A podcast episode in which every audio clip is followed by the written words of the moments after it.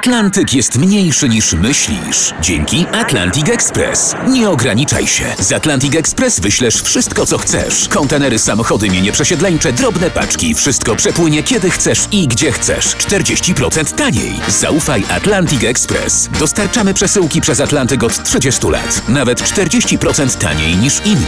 Dzwoń 1 800 775 73 63. Ekspresowo przez Atlantyk. Tylko z Atlantic Express. Tego lata przyglądamy się najgłośniejszym przestępstwom drugiej RP. Tym wyjaśnionym i tym, które dotąd rozpalają wyobraźnię śledczych. Dorwać bestie. Zapomniane zbrodnie przedwojennej Polski. Kurier warszawski! Zbrodnia w Skolimowie! Świat? Orgie bandyckie w Skolimowie! Kronika kryminalna! Sprawa skolimowska, czyli bandyci bracia góralscy! Naprzód! Dwa napady bandyckie w Skolimowie! Odcinek siódmy. Zbrodnia w Skolimowie.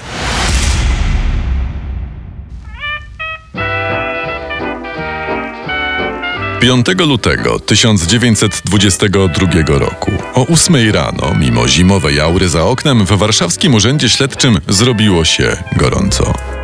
Wszystko za sprawą makabrycznego telefonogramu, który policjanci otrzymali od swoich kolegów po fachu z Komendy Powiatowej Policji Państwowej w Piasecznie. W nocy z 4 na 5 lutego w domu młynarza Stanisława Regla we wsi Skolimów dokonano brutalnej napaści. Jej skutkiem jest pięć ofiar śmiertelnych i dwie osoby ranne. Jasny gwint, musimy tam zaraz wysłać ekipę. A, i wzmocnimy ją pogotowiem rezerwy. Masowe morderstwo dokonane w Skolimowie, dziś dzielnicy Konstancina, przez niezidentyfikowanych bandytów, przeszło do historii jako jedna z najkrwawszych zbrodni popełnionych w dwudziestoleciu międzywojennym na terenie nie tylko Mazowsza, ale i całej Polski. Gdy policjanci przybyli do domu młynarza, ich oczom ukazał się makabryczny widok. Trzypokojowe mieszkanie wyglądało jakby przeszła przez nie trąba powietrzna. Połamano meble, poniszczono sprzęty. Pośrodku jednego z pokojów leżało pięć ciał. Obecny na miejscu zbrodni szef Policji Państwowej Ludwik Kurnatowski tak opisał ten moment później w pamiętniku. Wszystkie trupy miały otwarte oczy i rozchylone usta. Znać, że do ostatnich chwil konania wzywały pomocy. W domu Stanisława Regla zginęli brat właściciela młyna, 58-letni Antoni Regiel, córka młynarza, 19-letnia Zofia Reglówna, 42-letni kominiarz z Piaseczna, Aleksander Kraszewski i dwaj pracujący w młynie czeladnicy, 42-letni Piotr Winiarek i 44-letni Michał Orzechowski. Ciała córki i brata Stanisława Regla nosiły ślady tortur. Antoni miał połamane ręce i nogi. Zofia była bita kijem i krzesłem. Na jej rękach widniały też ślady kłucia ostrym narzędziem. Oboje zostali zgładzeni strzałem w głowę. Podobnie jak pozostałe trzy ofiary. Z masakry w skolimowskim mieszkaniu ocalały cztery osoby. Korepetytor dzieci młynarza, 25-letni Antoni Małek, córeczka i syn Reglów, 9-letni Henio i 11-letnia Irenka, którzy zdołali ukryć się przed bandytami, oraz gosposia Maria Błachowiczowa, która najpierw pomogła schować się dzieciom, a następnie sama uciekła na strych. Już następnego dnia kurier warszawski na podstawie zeznań ofiar ustalił przebieg wydarzeń. Tym samym cała stolica dowiedziała się, jak przebiegał makabryczny sobotni wieczór w Skolimowie. Jak opisywała gosposia Błachowiczowa, Była dziewiąta wieczorem, właśnie myłam naczynia po kolacji, kiedy nagle ktoś zaczął strzelać w szyby. Wyłamali podwójne okna, wbiegli do mieszkania. Uciekłam do sypialni i schowałam Henia pod łóżko, a i rękę pod pierzynę. A ci bandyci strzelali i strzelali, bez opamiętania. Inni domownicy mieli mniej szczęścia i zaskoczeni nie zdołali uciec i ukryć się. Napastnicy powalili ich na ziemię, ranili i znęcali się nad nimi. Do tego całego zamieszania dołączył kominiarz Kraszewski, który przebywał w sąsiedniej piekarni i wbiegł do mieszkania Regla, gdy tylko usłyszał strzały z rewolweru. Bandyci rzucili się na niego. Litości, ludzie, ja mam żonę i czworo dzieci, ja nic nie zrobiłem. Mordercy nie zważali na te błagania. Kraszewski został zabity kilkoma strzałami. Tymczasem kilku oprawców stojących na czatach spostrzegło w pokoju sąsiadującym z młynem dwóch robotników Piotra Winiarka i Michała Orzechowskiego. Czeladnicy zostali zaciągnięci siłą do sypialni i podobnie jak Kraszewski zastrzeleni. Napastnicy uznali, że nie ma już innych świadków, więc mogą zająć się kolejnymi zadaniami. Dobra, weź tu pilnuj, a ja poszukam biżuterii. Ty, patrz co mam, milion marek. A ja złoty zegarek. Łap. W końcu mordercy uciekli z miejsca zdarzenia. Prawdopodobnie wypłoszył ich nadjeżdżający około 22 pociąg ze stolicy, którego gwizd było słychać w młynie. Tym samym pociągiem wrócili do domu młynarz Regiel i jego żona. Jezus Maria! Jezus Maria! Staszek! Przybyła dopiero kilka godzin później policja początkowo zachowywała się bezradnie i dość chaotycznie, co spotkało się z krytyką ówczesnej prasy. Śledczy byli bez szans, jeśli chodzi o schwytanie napastników. Ci dawno już byli zupełnie gdzie indziej i umiejętnie zacierali ślady. Ale policjanci nie poddawali się. Komendant stołecznej policji ogłosił wszem i wobec. Za pomoc w złapaniu sprawców tej okrutnej zbrodni wyznaczam nagrodę w wysokości 250 tysięcy marek. Skrupulatnie przesłuchiwano świadków. Jednym z kluczowych był Antoni Małek, student prawa Uniwersytetu Warszawskiego, cudem ocalały z masakry. Został on postrzelony przez bandytów cztery razy, po czym upadł na podłogę i udawał nieżywego. To uratowało mu życie. Małek przypomniał sobie wygląd dwóch napastników. Gdy ich opisywał, w głowie przesłuchujących go policjantów zapaliła się czerwona lampka. Z opisu jakby góralscy. Walenty i Teodor.